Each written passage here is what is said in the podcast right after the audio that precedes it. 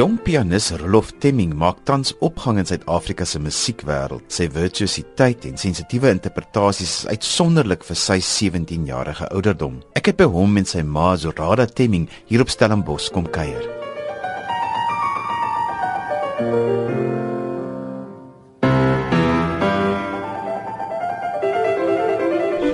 Rada Roof het hierdie jaar omtrent elke denkbare prys gewen, veral sedert ons laas met hom gepraat wat een van sy eerste uitvoerings was wat hy as 'n solo kunstenaar gedoen het. Vertel 'n bietjie vir ons van die pryse wat hy hierdie jaar gewen het. Ehm um, Johan, ek dink die grootste ene is waarskynlik die uh Henny Hubert uh, nasionale klavierkompetisie. Hoekom ek nou sê dis die grootste is dit is dood eenvoudig die moeilikste as jy dink hoeveel stukke hulle moet doen daar. Jy weet dit is volledige Bach preludes en figas se virtuose etude, volledige klassieke sonate groot romantiese werk, groot 20ste eeu Suid-Afrikaanse komponis. Dis dis regtig moeilik en dan natuurlik 'n konserto. En vir ons was dit 'n baie belangrike kompetisie want dit was eintlik 'n soort van 'n waterskeiding in sy lewe want tot op daardie stadium wou hy 'n aktuaris word want hy is ook mal oor wiskunde en daai kompetisie dink ek het soort van die ding geswaai. Ehm um, ja, was 'n klomp geld en alles maar ek dink die ehm um, die eer om daai kompetisie te wen is eintlik die groot ding. En dan het hy die tweede regte groot ding wat hy gewen het is die Sax ehm um, nasionale musiekkompetisie waar hy teen ander instrumente ook gekompeteer het. En dit het hy ook gewen en daardie prys is 'n maand se studie in Wenen by 'n musiekskool, die Amadeus Musiekskool. So dis vir ons 'n baie groot ding. Nou wil ek hê jy met jou ma hoed afval en jou onderwyseres hoed opsit want jy's ook sy musiekonderwyseres. Wat maak Rolof se spel so besonder? Die woorde sensitiwiteit vir sy ouderdom, virtuositeit, al daai goeters is wat ons gedurig in die koerante van lees. Maar wat maak sy spel so ehm um, besonder vir sy ouderdom? Weet jy, ek dink as as 'n mens na pianiste luister, dan ehm um, op die vlak waar hy nou speel, is almal goed. Almal is fantasties almal speel met 'n uh, akrobatiese virtuositeit.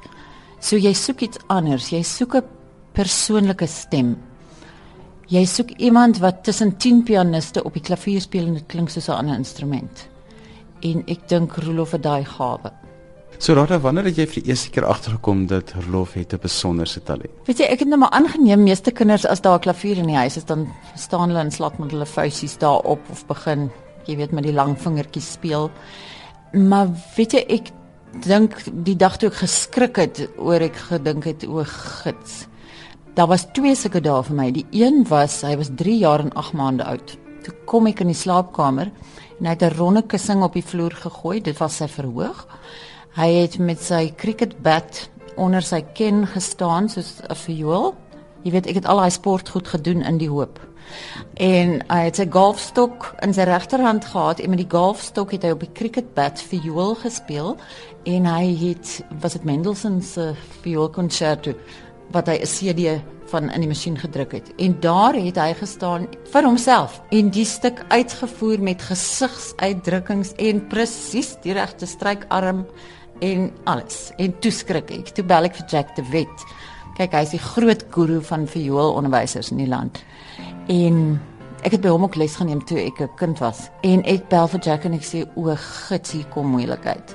Hy lag so. Ek vertel hom toe die storie. Toe sê hy asseblief bring eers die kind vir my as hy 4 jaar oud is. Nou ja, toe hy 4 is, toe bel ek weer vir Jack en uh toe vat hy hom. Toe het hy begin en jy weet interessante goed met so 'n klein kindjie gedoen, soos in vir hom 'n karretjie gegee en sê ry met die karretjie op en af teen die deur om die strykbeweging te oefen. Ek weet sulke fantastiese goed het hy met hom gedoen. Ehm um, maar toe later het hy klavier begin speel, maar die tweede insident waar ek geskrik het was toe hy sy eerste stuk gekomponeer het. En dit was op die rekenaar en toe ek vir hom sê maar hoe weet jy om dit te doen? Toe sê hy maar hy het afgekyk hoe pappa dit doen. Nou, jy weet sonder dat enigiemand vir hom geleer het, het hy net gekyk en daar gaan hy toe met sy eerste stuk. En hy was klein, weet jy, ek dink 7 of 8.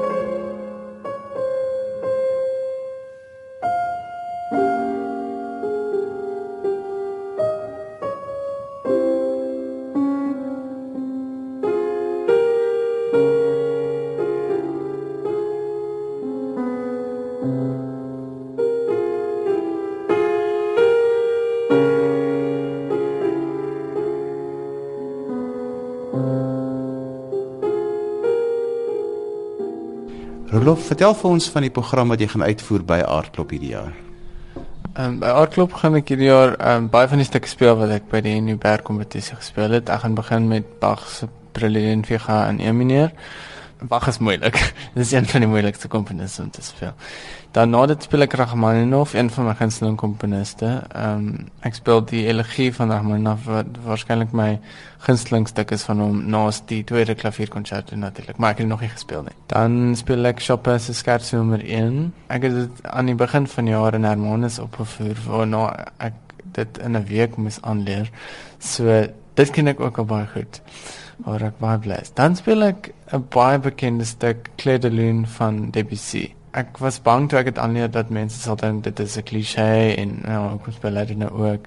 Maar dit is my regtig mooi stuk en ek probeer dit op my eie manier speel. Dan speel ek Ravel se Jadot. Ravel is amper soos Debussy, dit is ook impressionisties. Ravel is verskriklik moeilik om te speel net oor hoeveel note daar is om te speel, maar ek is verskriklik van die stuk. Die die stuk gaan oor water en is eintlik amazing by die prysuitdeling by die skool vir ja, te speel ek net daai stuk wat gaan oor water, speletjies in die water proses.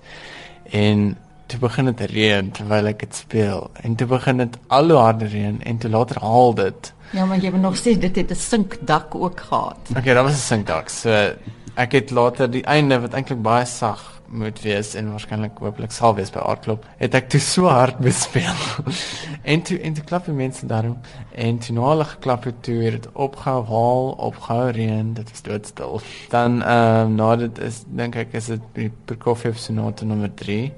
Prokofiev is my gunsteling komponis. So ek hou baie daarvan om te speel. Baie keer dan voel ek net ek kan sien watter gesigsuitdrukking hy daardie musiek mee geskryf het. So dit is vir my fantastiese musiek. Dan gaan my ma by my aansluit wat hulle gevra het dat ons doen. Ek gaan 'n Griek klavierkonsert speel wat gewoonlik met 'n orkes opgetree word, maar sy gaan die orkespart op die klavier my mee begelei. So ja, dit is 'n bietjie anders as gewone recitals, maar ja, dit is 'n baie mooi stuk wat ek hierdie jaar aangeleer het eers en ek hoop hulle sal dit geniet.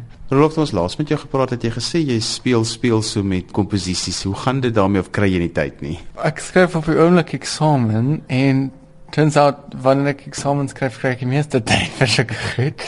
So ja, ehm um, dis dan probeer ek meer goeders vir sommer vir orkes probeer skryf. Ek het actually aan die begin van die jaar 'n stuk vir ons skoolorkes geskryf wat ons toe by die Astet vir uitgevoer het wat vir my baie lekker was om ja ek het self gespeel in die orkes en so. So ja, dit gaan nog aan. Ehm um, en ek skryf nou vir orkeste, so ek weet maar dit is nog net op die rekenaar. Dis nie vir enige mense wat dit commission of so nie.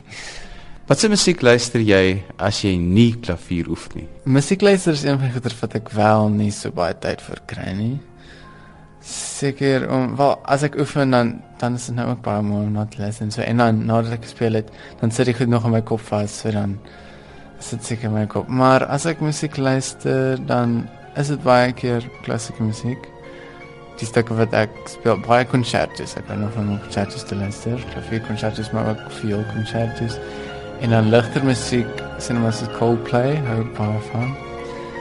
En ek kan ek kan nie aan 'n bad dink nie